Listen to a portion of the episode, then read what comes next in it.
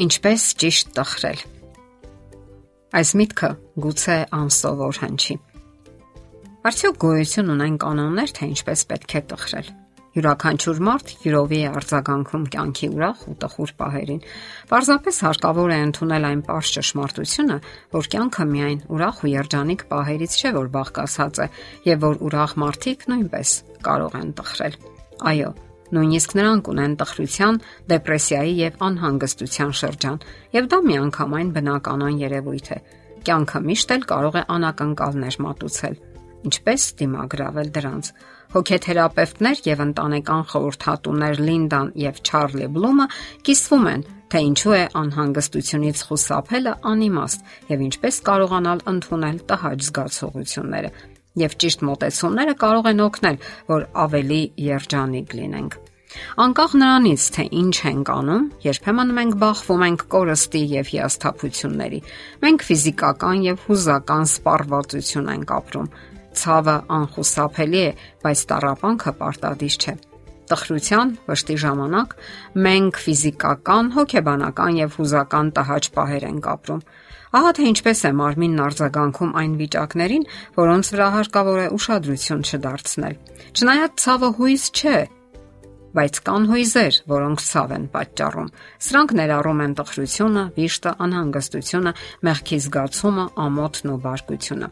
Հույզը կարծես էներգիա լինի, որն անցնում է մարմնով մեկ։ Որոշ հույզեր տրվում են հատկապես ծանր ժամանակներում, ուստի մենք դրանք ընկալում ենք որպես բացասական ապրումներ։ Այնուամենայնիվ, սրանք պարզապես սպիտակներ են, որոնք նկարագրում են մեր վերաբերմունքը այն իրադարձությունների հանդեպ, որոնք մենք ապրում ենք։ Մենք տարապում ենք, երբ երկար ժամանակ դիմադրում ենք տհաճ փորձառություններին։ Սովորաբար, երբ փորձում ենք շղթել կամ դիմակայել անխուսափելիին, սկսում ենք տարապել։ Մենք չենք կարող փոխել իրականությունը, սակայն կարող ենք սովորել, թե ինչպես դիմակայենք դրանց։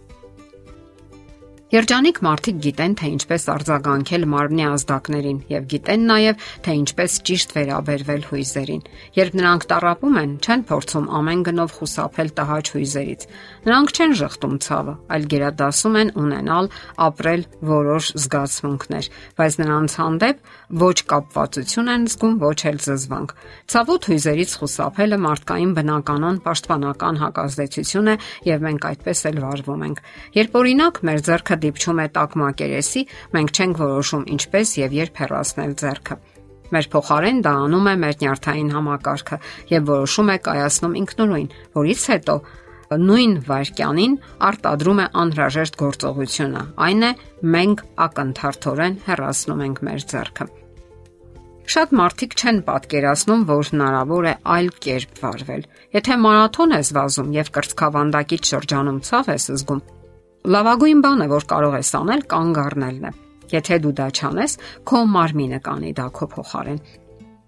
Սակայն որոշ դեպքերում երբեմն ավելի լավ է նպատակային ներկա մնալ այդ պահին, թե կուստահաճ զգացողությունների հաշվին, այլ ոչ անմիջապես խայթվածի նման ցնցվել եւ ներքին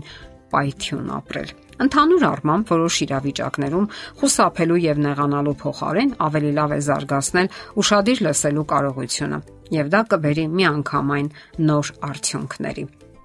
Եթե օրինակ ձեր աշխատանքային գործընկերը կամ տնորենը դժգոհություն է հայտնում, որ դուք չեք կատարել խոստումը եւ դրա պատճառով դուք ցավ եք զգում, ավելի լավ է ժամանակավոր անհարմարություն զգաք։ Մի փորձեք թաքնվել խնդրից,